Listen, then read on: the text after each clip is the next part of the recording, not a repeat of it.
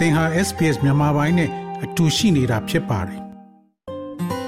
SBS မြန်မာပိုင်းကို အင်ကာနဲ့စနေနေ့ည10:00နာရီမှနားဆင်နိုင်တယ်လို့အွန်လိုင်းကနေလည်းအချိန်မီနားဆင်နိုင်ပါပြီ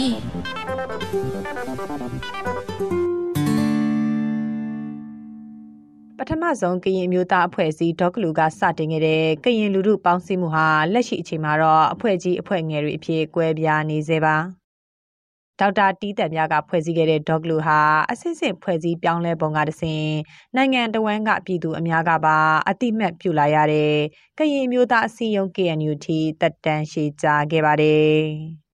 1994ကနေလက်ရှိအချိန်ထိကာလအတွင်းမှာတော့မိခင်အဖွဲ့အစည်း KNU ကနေဒီမိုကရေစီအကျိုးပြုကရင်တက်မတော် DKBA ကရင်ငင်းချမ်းရေးကောင်စီ KNU KNL PC ကရင်နယ်ကြားဆောင်တက် BGF နဲ့ကော့တူးလီတက်မတော်တို့ခွဲထွက်လာခဲ့ကြပါတယ်ဒီအခြေအနေကနေတဆုတဖွဲ့တဲ့ပြန်လည်ပေါင်းစည်းဖို့အရေးကိုအကြိမ်ကြိမ်ဆွေးနွေးခဲ့ကြပေမဲ့လည်းမအောင်မြင်ခဲ့ပါဘူး။ ကရင်လက်နက်ကိုင်အဖွဲ့အစည်းလေးခုကခေါင်းဆောင်တွေနဲ့ဒေသခံကရင်လူထုတို့ပြီးခဲ့တဲ့ရက်ပိုင်းအတွင်းတွေ့ဆုံဆွေးနွေးမှုတွေပြုလုပ်ခဲ့ကြသလိုကရင်အဖွဲ့ပေါင်းစည်းရေးအိမ်မက်ကိုရုပ်လုံးဖော်နိုင်ဖို့ကြိုးစားခဲ့ကြတယ်လို့ပြောဆိုကြပါတယ်။ကရင်လက်နက်ကိုင်အဖွဲ့အစည်းတွေကြားကပဋိပက္ခတွေကိုညှိနှိုင်းဆွေးနွေးတဲ့အခါအဖြစ်တစ်ခုထွက်လာဖို့မှာအချိန်ကာလစောင့်ဆိုင်ဖို့လိုအပ်နေသေးတယ်လို့ DKBA ဗဟိုစစ်ဌာနချုပ်ကဒုတိယဗိုလ်မှူးကြီးစောကြပလဲကဆိုပါတယ်။အဲ ကျွန်တော်တို့ ပြည်သူလူထုတွေကတော့ ကျွန်တော်တို့ကင်လက်နက်ကိုင်လေးဖွဲ့ ပြန်လဲပေါင်းစည်းတာကိုတော့ လိုလာတာပေါ့လေ ပြောရတာတော့ လွယ်တာပေါ့နော်လောကခက်တယ် အဲ့ဒါကြောင့် ကျွန်တော်တို့လည်းကျွန်တော်တို့ကင်ပြည်သူထုတွေ လိုလာတဲ့ လိုလားချက်တွေကို ကျွန်တော်တို့ အကောင့်ထဲပေါ်နိုင်ဖို့ဆိုတာကတော့ ကျွန်တော်တို့ကတော့ဟိုအချိန်လေးလေးယူပြီးတော့မှဒါဖြည်းဖြည်းတီဆော့မှပဲ ရမယ်လို့တော့ ကျွန်တော်က ပြောချင်ပါတယ်ခင်ဗျ ကရင်လက်နက်ကိုင်ဖွဲ့စည်းဆိုတာကဟိုပွားပွားလာရတဲ့ အကြောင်းရင်းတွေကလည်း မတူတဲ့အပေါ်မှာ ပြန်လည်ပေါင်းစည်းဖို့ဆိုတာ ဖြစ်လာနိုင်မယ်လို့တော့ ကျွန်တော်မြင်ပါတယ်ခင်ဗျ ကရင်မျိုးသားအစည်းအရုံး KNU ဟာ2012ခုနှစ်15ကြိမ်မြောက်ညီလာခံမှုအရာကရင်လက်နက်ကင်တွေပေါင်းစည်းရေးကိုဆောင်ရွက်ခဲ့ပေမဲ့လည်း7နှစ်ကျော်ကြာကာလအထိမအောင်မြင်သေးပါဘူး။တပ်မဟာ6နယ်မြေလိကီကောဒေတာမှာ2016တုန်းကဆွေးနွေးခဲ့သလိုပြီးခဲ့တဲ့နှစ်နိုဝင်ဘာလမှာတော့တပ်မဟာ9နယ်မြေလှိုင်းဘွဲ့ဒေတာမှာလူရုနဲ့အတူတကွတွေ့ဆုံခဲ့ကြပါတယ်။အခုနှစ်မှာတော့မက်စလ10ရက်မှာတပ်မဟာ9နယ်မြေကော့ဂရိတ်မြို့နယ်အတွင်းထပ်မံတွေ့ဆုံခဲ့တာပါ။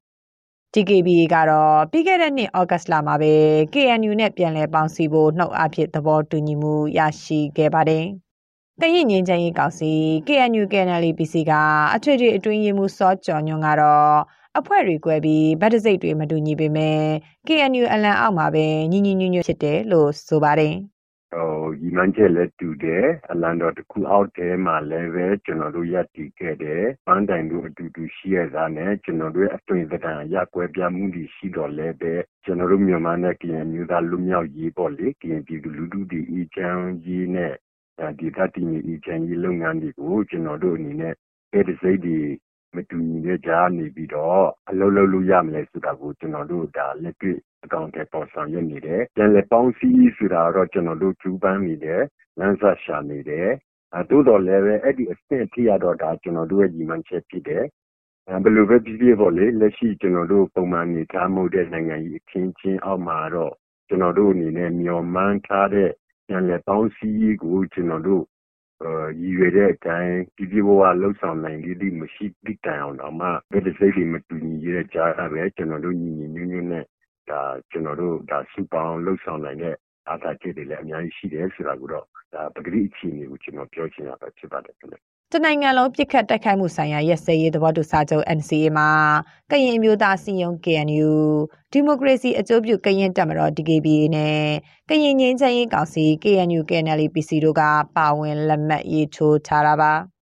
ဒါပေမဲ့လည်းအာနာသိန်းကာလအတွင်းမှာတင်စစ်ကောင်စီနဲ့ KNU ကြားတိုက်ပွဲပေါင်း8000ကျော်ဖြစ်ပွားခဲ့တယ်လို့ဒေသခံပြည်သူ၄သိန်းဝန်းကျင်ဟာစစ်ဘေးရှောင်ဖြစ်ခဲ့ရတယ်လို့ KNU ကထုတ်ပြန်ထားပါတယ်။ ငင်းချင်ရေးမြို့တော်အဖြစ်တည်ထောင်ခဲ့တဲ့လီကစ်ကောဒေတာတပ်မဟာ6နယ်မြေအတွင်းမှာတင်လက်ရှိအချိန်ထိတိုက်ပွဲတွေမကြာခဏဖြစ်ပွားနေစေပါ။ဒီအခြေအနေတွေကြောင့်အဲ့ဒီနယ်မြေကဒေသခံအများစုဟာလည်းနေရက်မပြတ်နိုင်သေးပဲနှစ်နိုင်ငံနယ်နိမိတ်မြင်းတောင်ရင်းမြစ်အနီးကကဘာရံတွေမှာခိုလုံနေရတာတစ်နှစ်ကျော်ရှိခဲ့ပါပြီ။ အာနာသိန်းကလေးကထွက်ပြေးတိတ်ဆောင်နေရတဲ့စစ်ဘေးရှောင်ကရင်အမျိုးသမီးတူကတော့ကရင်လက်နက်ကိုင်အဖွဲ့တွေပြန်လည်ပေါင်းစည်းခြင်းဟာနေရက်ပြန်နိုင်ဖို့တွန်းအားတစ်ခုဖြစ်လာနိုင်တယ်လို့ယုံကြည်ထားပါတယ်။မျော်လင့်ချက်မရှိတဲ့ဘဝဖြစ်နေတာပေါ့ကိုရီးရဲ့စိတ်နေသဘောထားနဲ့သူတို့ရဲ့စိတ်နေသဘောထားတူမှမတူတာဘူးရေကြားစီရေးဒီပါဒီအဲ့လိုမျိုးတယောက်နဲ့တယောက်စီလုံးညီညွတ်ရေးတွေပါတွေကတော့ သူတို့ရဲ့စိတ်အပေါ်မှာပဲမူတည်တာပေါ့လေအမတို့ပြည်သူအနေနဲ့ကတော့ကရင်လက်နက်ကိုင်အချင်းချင်းနဲ့တူနဲ့တူတစ်ဖွဲ့နဲ့တစ်ဖွဲ့စီစီလုံးလုံးချစ်ချစ်ခင်ခင်နဲ့ဟိုအောင်မြင်စွာနဲ့ဆုံးသက်နိုင်ဖို့အတွက်အမအနေနဲ့ကတော့မျှော်လင့်နေလေနော်။နေမြေအေးချမ်းရေးအတွက်ပဲလိုချင်တာလေ။ဟိုနေလို့မရဘူးအနေထားဆိုလို့ရှိရင်လည်းအဆင်ပြေတဲ့နေရာမှာပဲလိုက်ပြီးတော့နေနေရတဲ့ဘဝဆိုတော့ နယ်မြေအေးချမ်းရေးမရှိတဲ့အခါကျလို့ရှိရင်အမတို့အတွက်အဆင်မပြေဘူး။ဟိုလုပ်ငန်းကိုင်ငန်းလည်းဘာမှမရှိတော့ဘူးအိမ်နေရာတွေလည်းဘာမှမရှိတော့ဘူးဆိုတော့အားလုံးကိုစွန့်ပစ်ပြီးတော့မှထွက်ပြေးနေရတဲ့ဘဝနဲ့ဆိုတော့ဒီဘဝကြီးကိုလည်းအမတို့အရန်စိတ်ကုန်လာပြီလေကရင်အမျိုးသားခေါင်းဆောင်စောဘဦးကြီးရဲ့မူလေးချက်ကိုကရင်လက်နက်ကိုင်အဖွဲ့တိုင်းလက်စုပ်လက်ကင်ထားကြပေမဲ့လည်းရက်တီချက်တွေကကွဲပြားလာတာကြောင့်အချင်းချင်းကြားကပဋိပက္ခတွေကိုခြေဖြတ်ဖို့ခက်ခဲနေတယ်လို့ဆိုကြပါတယ်။ နှစ်ပေါင်း80ကျော်ကြာဒေတာတွင်တိုက်ပွဲတွေကြားမှာလည်းပြည်ရင်းပြည်ပစစ်ဆောင်စခန်းအသီးသီးကကရင်တိုင်းရင်းသားတွေဟာနေရက်ပြန်ဖို့အဆင်မပြေလာပါဘူး။လက်ရှိနိုင်ငံရေးမတည်ငြိမ်မှုပုံမဆိုးရွားလာတဲ့အချိန်မှာတော့ကရင်လူမှုယုံကြည်ချက်ချမှတ်ထားတဲ့ကိုပိုင်အုပ်ချုပ်ခွင့်တွေနဲ့အတူလွတ်လပ်ပြီးတည်ခြားရပ်တည်နိုင်မဲ့ကရင်နိုင်ငံတော်အဖြစ်ဖွဲ့စည်းနိုင်ဖို့ဆိုတဲ့တူညီတဲ့ရည်ရွယ်ချက်တွေဟာဝေးကွာသလိုဖြစ်နေရပါပြီ။ ကရင်လူမှုအများစုကတော့တည်ငြိမ်အေးချမ်းတဲ့နေရက်ပြန်နိုင်ရေးနဲ့အတူကရင်လက်နက်ကင်တွေပြန်လည်ပေါင်းစည်းဖို့ဟာပြင်းပြတဲ့ယုံကြည်ချက်အဖြစ်တည်ရှိနေတာပါ။ကရင်ဘဝကိုတိုးတက်ဖွံ့ဖြိုးအောင်လုပ်ချင်ရင်ကရင်ပြည်သူတွေဘက်ကိုကြည့်ပြီးစီစီလုံးလုံးရှိနေဖို့လိုတယ်လို့ပြောလာသူကတော့ KNU ဘဟုကော်မတီဝင်တဦးဖြစ်တဲ့ဖရိုစောတမိန်ထောမှာနော်ကျွန်တော်တိုင်းပြည်ဟာဘေးနိုင်ငံထိုင်းတို့ဘာတို့ပတ်ဝန်းကျင်နိုင်ငံတိုးတက်သွားပြီ အစသာရရပြည်လေတော့ဒုတိုင်းပြည်ဆုပ်ယုပ်ကြစင်းနေတယ်ပြောရမယ်ဆိုဟိုလူမကောင်းတာနဲ့ဒီလူမကောင်းတာနဲ့ပြောတာနဲ့အားလုံးကိုမကောင်းလို့တိုင်းပြည်ဟာအခုလိုနစ်မွနေတာပေါ့ဗျာလူထုတွေဆေးရဲနေတာပေါ့အဲ့ဒါပါပဲအဲ့ဒါတွေနဲ့ကျွန်တော်တောက်ပြစီယုံသွားရင်တော့ဖြစ်မယ်လို့တော့တွက်တာပဲလေကရင်တင်းကွဲလက်ချက်တွေကတော့ပြောရမယ်ဆိုလို့ရှိရင်ကရင်ဘဝကိုတိုးတက်အောင်ဖွံ့ဖြိုးအောင်လုပ်မလားကရင်ချင်းချင်းကွဲပြီးမှတစားစီဖြစ်ပြီးမှကရင်ဘဝနှိမ့်ကျသွားမှာလူလာလာဒါပဲ အဲ့ဒါကို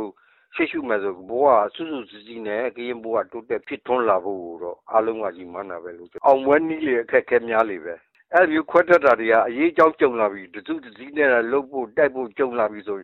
အဲအဲ့လိုကွဲတာတွေကကျွန်တော်ကရင်သမိုင်းမှာတော့တော်တော်များခဲ့တယ်တူနဲ့တူအတိုက်ခိုက်မဖြစ်ရပေါ့လေလက်နက်ကင်ပြိပကမဖြစ်ရဘူးတော့ကျွန်တော်ထိန်ရမယ်နောက်ပြီးမှကျွန်တော်တို့တဆင့်ကြည်ုံရေးအတွက်လှုပ်ဆောင်သွားရမယ်သဘောတရားတွေညှိနှိုင်းရမယ် အာနာသိန်းကာလအတွင်းကကရင်ဒေသတိုက်ပွဲတွေကြားစစ်ကြောင်းထိုးလာတဲ့စစ်ကောင်စီကိုကရင်နယ်ကြားဆောင်တက် BGF ကပူးပေါင်းပါဝင်ခဲ့တယ်လို့ပြောဆိုမှုတွေလည်းမကြာခဏထွက်ပေါ်လာခဲ့ပါတယ်။ကြအပြင်ကရင်မျိုးသားအစည်းအရုံးတပ်မဟာလေးနယ်မြေတနင်္သာရီဒေသကျွန်းမှာတော့ကော့တူးလီအာမီနဲ့ KNU တို့တိုက်ပွဲဖြစ်ပွားခဲ့တဲ့ဖြစ်စဉ်တွေကြောင့်ပြည်သူလူထုကပြန်လည်ညီညွတ်ဖို့တောင်းဆိုခဲ့ကြပါတယ်။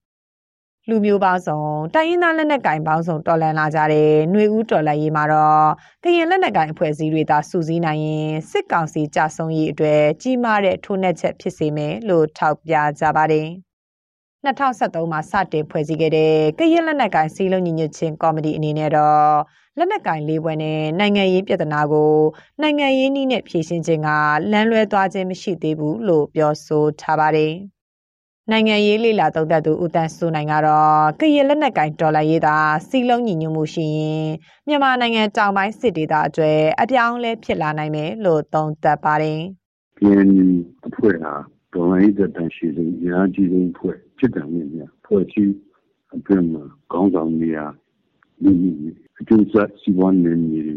ခွဲလို့ပြည်ဒီပုံမှာတဘိုးတမင်းဖြစ်နေတဲ့ သဘောထားတချို့ပါလေအကျုံးဝင်ပြီးရှိပါတယ်။ဒီလိုသာရင်းနှီးဖွဲ့ကတစည်းကလုံးနဲ့တောင်းတောင်းကျင်းကျင်းဒီမျိုးသားအကျိုးစီးပွားနဲ့ဒီဒီနဲ့အတွက်တိုက်ပွဲဝင်မယ်အင်အားစုကြီးဖြစ်လာမယ်ဆိုလို့ရှိရင်စစ်ကောင်စီနဲ့တွဲနေတဲ့အကျိုးစီးပွားကြောင့်အပြင်ရောက်နေတဲ့ရင်းနှီးအဖွဲ့အစည်းတွေလည်းပဲသင်္ပွဲတွေလည်းပဲဒီရင်းနှီးအဖွဲ့ကြီးစီးရဲ့ကောင်းဆောင်မှုအောက်တင်းတင်းနဲ့ရောက်ရှိလာတဲ့အခြေအနေရှိတယ်လို့ကျွန်တော်ပြောရပါတယ်။ဒီနေ့ကိုကြီးတာအဲ့လိုဖြစ်တော့လို့ရှိရင်တော့ ဗမာပြည်တောင်ပိုင်းစီးရင်ချင်ဟာအကြီးကျယ်အရှက်ကြောင့်ဖြစ်ပေါ်နေတယ်လို့ကျွန်တော်တို့ကတော့ယုံကြည်တဲ့အတွက်ကျူးကြောင်းမထပ်ဖြစ်ပြောလိုပါတယ်ကရင်ပြည်သူလူထုတွေကတော့လက်နက်ကင်အဖွဲ့တွေကြားဆွေးနွေးပွဲတွေပြုလုပ်တိုင်းပြန်လည်ညီညွတ်မှုရရှိပြီးစစ်အာဏာရှင်စနစ်ကိုအပီးတိုင်ဖယ်ရှားနိုင်ဖို့ဆိုတဲ့မျှော်လင့်ချက်အိမ်မက်တွေမှတ်ခဲ့ကြပါတယ်။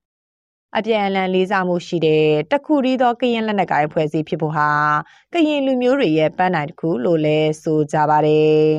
။နှွေဦးတော်လိုင်းရေးခီးချက်မှာကရင်လက်နက်ကင်အဖွဲ့တွေပေါင်းစည်းရေးဟာဒီမိုကရေစီခီးလန့်ရဲ့ပန်းနိုင်အစားလို့ပြောဆိုကြတာတွေလည်းရှိနေပါတယ်။ဒီသတင်းဆောင်မကိုတန်လင်ခက်ကပေးပို့ထားတာဖြစ်ပါတယ် SBS မြန်မာပိုင်းကိုနားဆင်ရတာနှစ်သက်ပါတလား Facebook မှာဆွေးနွေးမှုတွေကိုဆက်ကြရအောင်ပါ SBS မြန်မာပိုင်း Facebook ကို like လုပ်ပြီးတော့သင်ချင်တဲ့ချက်ကိုမျှဝေနိုင်ပါတယ် SBS Bemis ကို Facebook မှာ share ကြည့်နိုင်ပါတယ်ရှင်